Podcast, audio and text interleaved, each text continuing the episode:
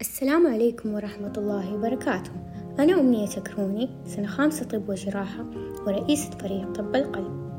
وأنا فوزي نعيم قستي طالب في سنة ثانية طب وجراحة وعضو في نادي القلب.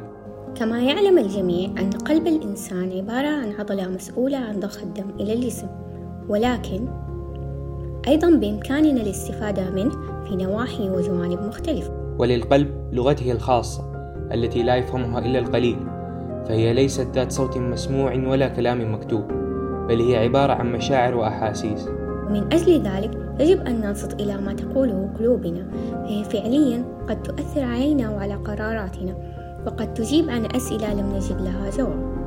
ومن هنا انطلقت فكرة برودكاست أنصت لقلبك.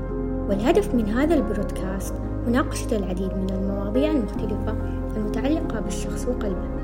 من ناحية دينية صحية واجتماعية والعديد من القصص والتجارب التي سنستفيد منها حتما. وهذا سيكون باستضافة أساتذة ومختصين في هذه المواضيع والمجالات.